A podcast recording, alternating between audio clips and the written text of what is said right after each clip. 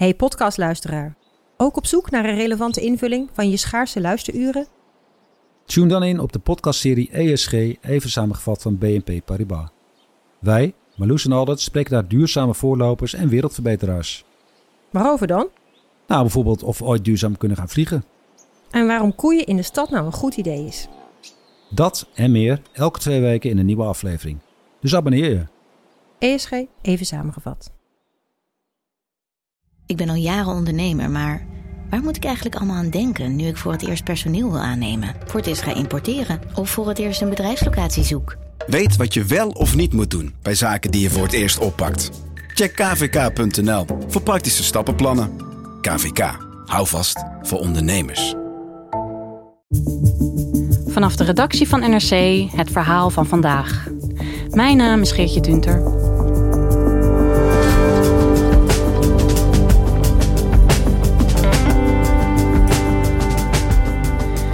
Precies tien jaar geleden werd de Istanbul-conventie getekend. Een bindend verdrag dat geweld tegen vrouwen moet bestrijden. Met als eerste ondertekenaar Turkije. Maar juist dat land trok zich onlangs weer terug uit het akkoord, zag correspondent Toon Beemsterboer. Wat betekent dat in een land waar elke dag wel een vrouw om het leven komt door geweld?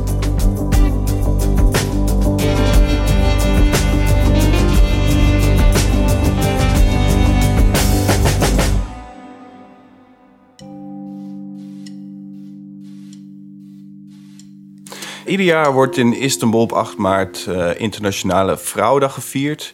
En uh, traditioneel uh, komen heel veel vrouwengroepen dan samen in het centrum van Istanbul om een mars te houden. En dat is echt een enorme, indrukwekkende menigte. Dat elk jaar komen daar, nou ik denk, ruim 10.000 vrouwen op af. Die kleurrijk zijn uitgedost. Ze dragen veel slogans mee en, en ze roepen leuzen, ze blazen op fluitjes. Het is heel luidruchtig ook altijd. En, en, en ze nemen echt de straat over. En er lopen ook heel veel groepjes uh, uh, homo's tussen. Die kunnen eigenlijk nog steeds de straat op tijdens die vrouwenmars. Omdat ze dan een beetje onder de vleugels van de vrouwen worden meegenomen. Dus je ziet tijdens die, uh, die jaarlijkse vrouwenmars ook heel veel uh, regenboogvlaggen. Uh, transseksuelen of transgenders. dat soort mensen lopen ertussen. En drie jaar geleden ben je daar dus geweest en heb je daar opnames gemaakt, hè? Precies, deze opname is uit 2018.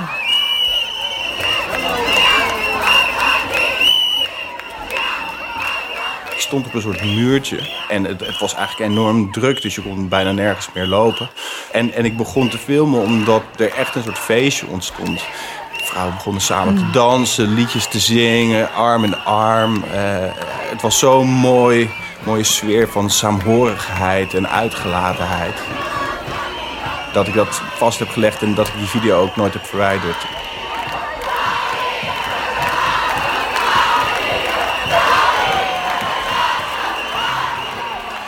En wat, wat wel op, opmerkelijk is, is dat uh, uh, nou, elke vorm van, van oppositie en, en zeker demonstraties de laatste tijd, uh, of de laatste jaren eigenlijk, zijn verboden. Hè? Maar de vrouwen zijn eigenlijk de enige groep nog die jaarlijks echt in grote getalen de straat op gaan. Het is de enige demonstratie die ze op een of andere manier niet, niet kunnen verbieden. Uh, mm-hmm. maar, maar desondanks, weet je, ondanks zeg maar, de kracht van die, van die Turkse vrouwenbeweging, heeft Erdogan onlangs toch besloten om Turkije terug te trekken uit de Istanbul-conventie. Turkije stapte vorige maand uit de Istanbul-conventie. Dat is een verdrag dat vrouwen moet beschermen tegen geweld. Volgens de Turkse regering is het in strijd met de traditionele familiewaarden. Maar veel vrouwen in het land wijzen op het grote probleem van huiselijk geweld. In 2019 werden in Turkije 474 vrouwen vermoord. Critici maken zich grote zorgen.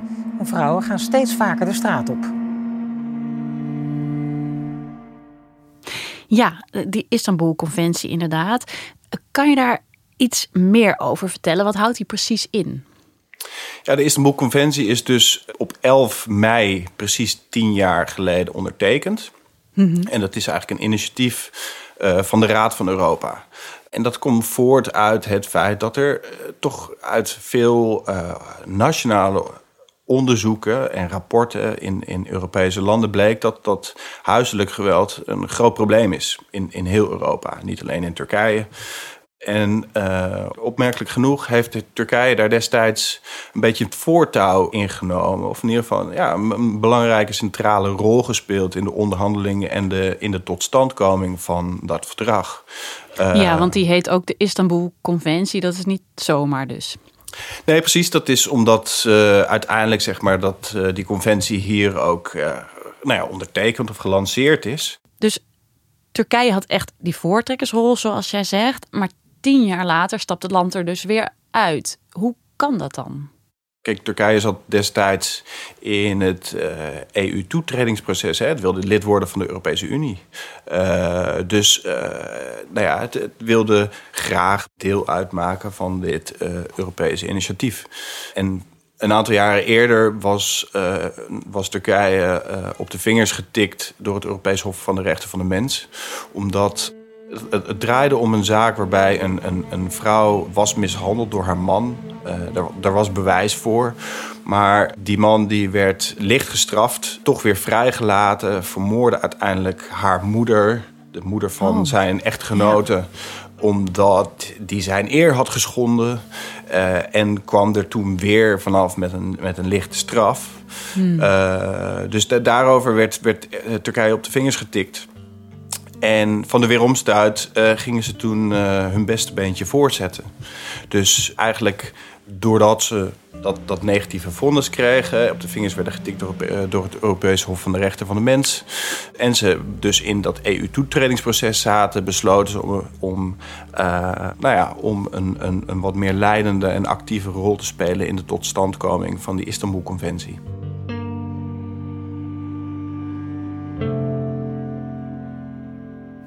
Ja, precies. Dus ze dachten, kijk, als wij op deze manier met vrouwenrechten omgaan, dan zijn we straks niet welkom in de EU. Um, maar goed, tien jaar geleden, hè, toen was Erdogan ook al aan de macht in uh, Turkije. En hij neemt nu het initiatief om eruit te stappen. Ja, klopt. De, de politieke verhoudingen zijn veranderd. Mm -hmm. uh, aan de ene kant is er nog steeds formeel sprake van een EU-toetredingsproces, maar dat ligt helemaal stil. Hè, ja. uh, eigenlijk niemand gelooft meer dat, dat Turkije nog lid zal worden van de Europese Unie. En, en de laatste jaren heeft Erdogan zich uh, afgekeerd van het Westen. En is meer, uh, heeft zich meer richting het oosten bewogen. Hè, richting Rusland, betere relaties, betere relaties met China. En aan de andere kant was er een, een, lobby van conservatieve groepen in Turkije zelf... die eigenlijk altijd wel moeite hadden uh, met het Istanbul-conventie. Uh, omdat die in hun ogen uh, de traditionele waarden van het gezin aantasten en ondermijnt. Hmm. En, en, waar ze dan voornamelijk over vallen, is de passage over gender. Hè, dat wordt nogal breed gedefinieerd in het document. En dat is expres gebeurd, omdat, nou ja, je hebt bijvoorbeeld hier in, uh, hier in Istanbul heb je uh, transseksuele prostituees. Ja, daar is veel geweld tegen. Die moeten ook beschermd worden. En door, door die gender zo breed te definiëren, vallen zij ook onder de Istanbul-conventie. Kunnen ze dus ook beschermd worden tegen geweld, et cetera.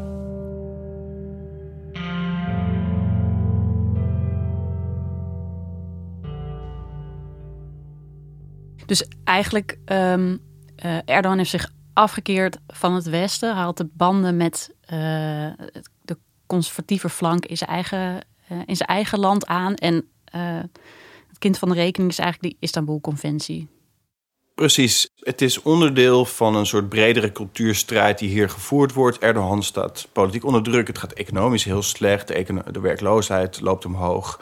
De inflatie is hoog. Het geld van mensen wordt gewoon minder waard. Hun levensstandaard daalt. Dus dan is eh, dit, dit soort eh, dit soort cultuuroorlogen zijn een, eh, een handig middel om de aandacht af te leiden. En hij heeft dus de steun van die conservatieve groepen nodig om in ieder geval die machtspositie te behouden. Dus het is echt om specifieke religieuze en conservatieve groepen te vriend te houden.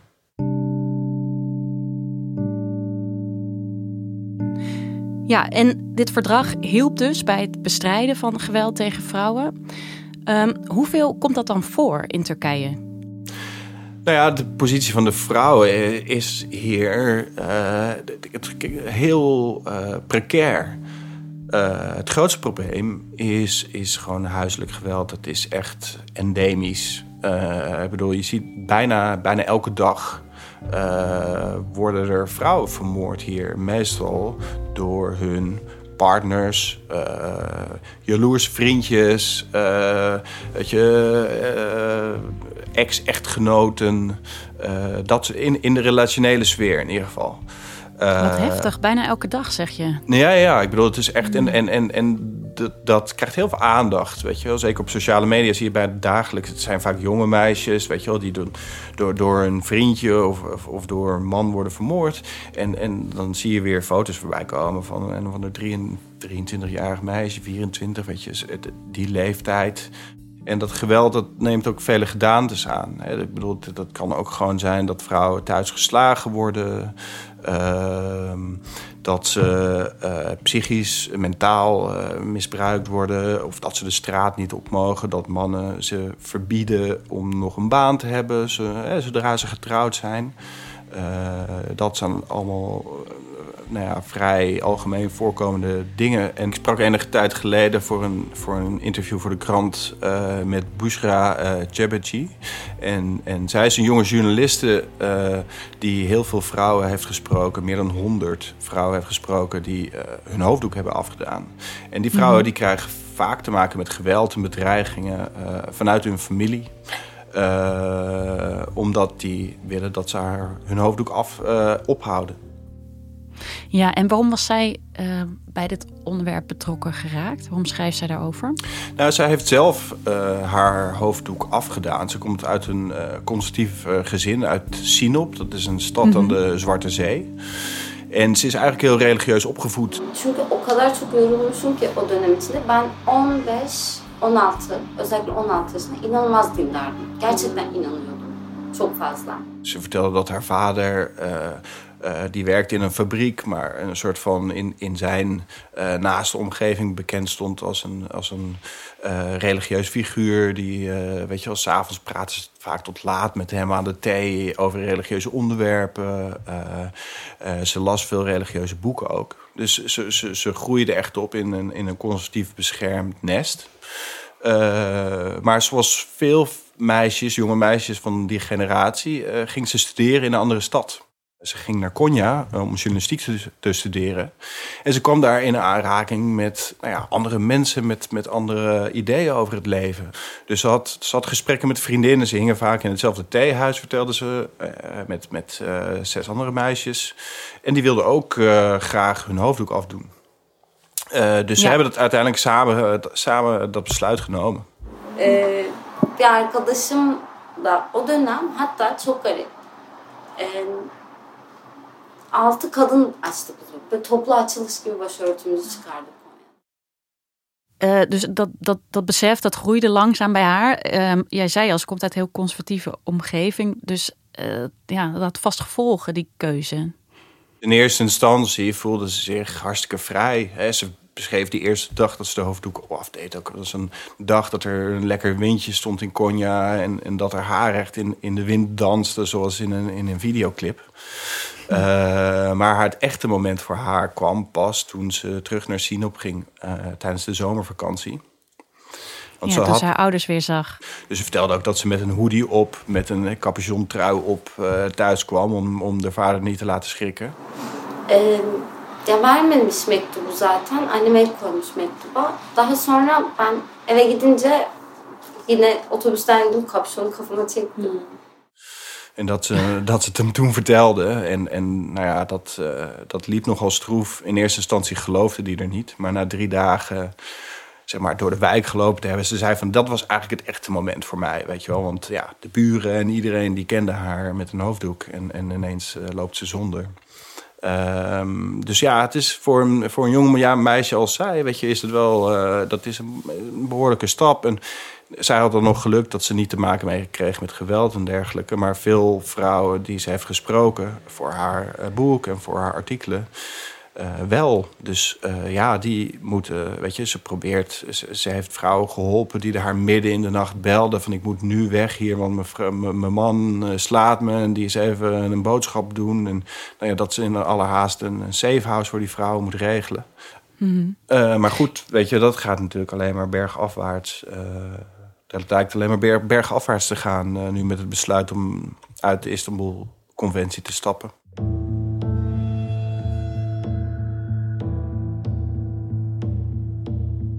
En wat gaat er nou eigenlijk precies verloren? Wat, wat heeft die conventie vrouwen in Turkije nou gebracht de afgelopen tien jaar?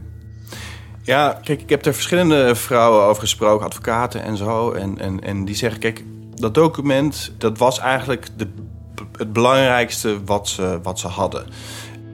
Het document is een soort van routekaart voor een land om, om, om wetgeving in te voeren en richtlijnen op te stellen om geweld tegen vrouwen te voorkomen en uh, te bestrijden.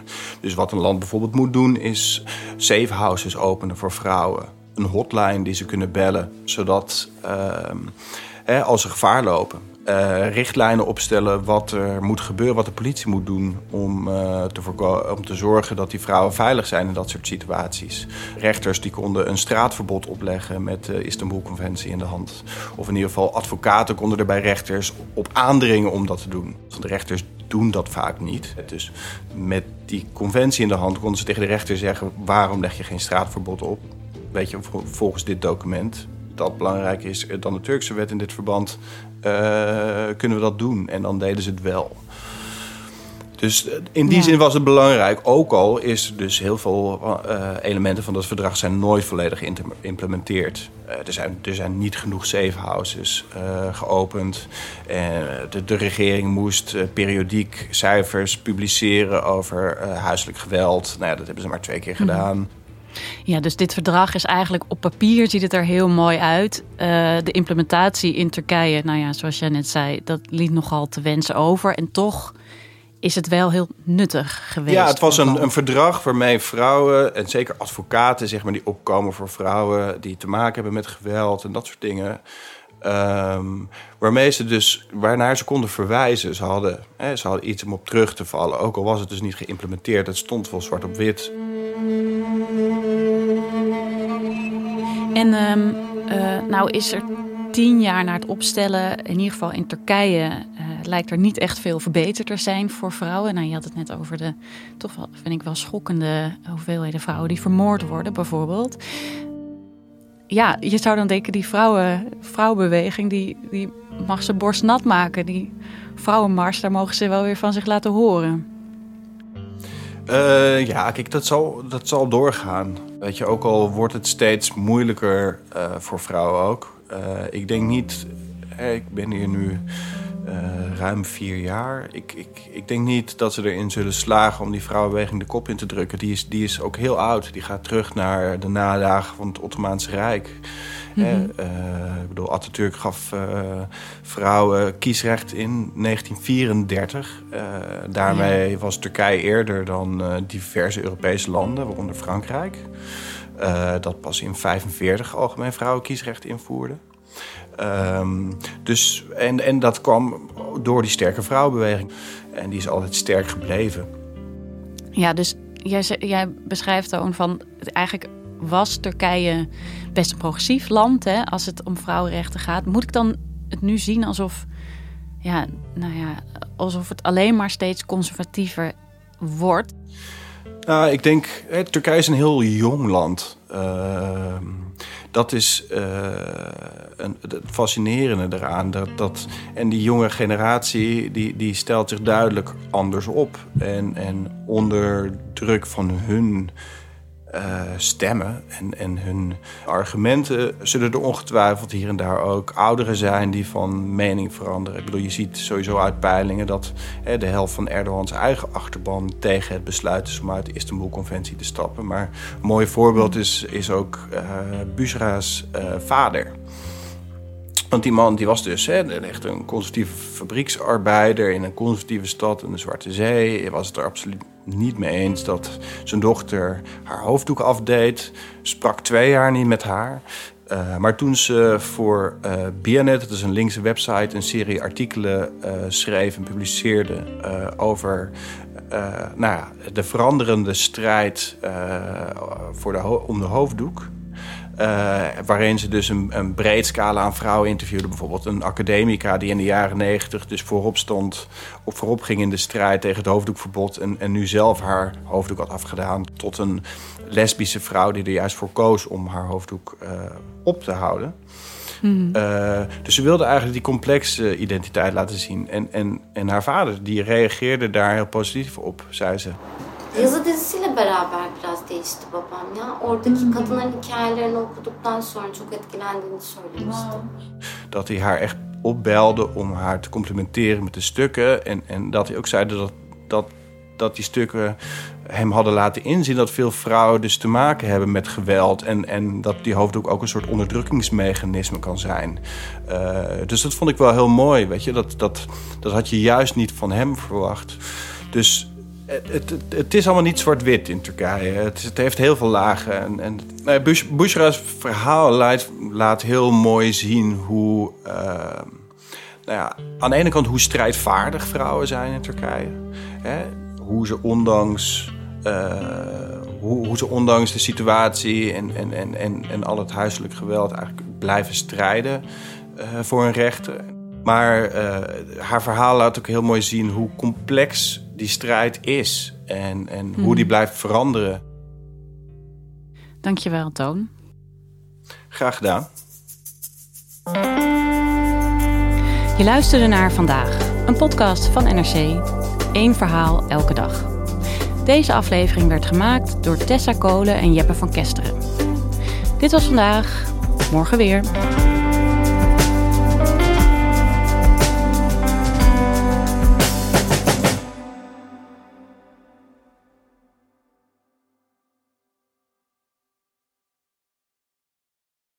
Technologie lijkt tegenwoordig het antwoord op iedere uitdaging. Bij PwC zien we dit anders. Als we de potentie van technologie willen benutten, kunnen we niet zonder een menselijk perspectief. Human-led, tech-powered noemen we dat. Ga naar pwc.nl.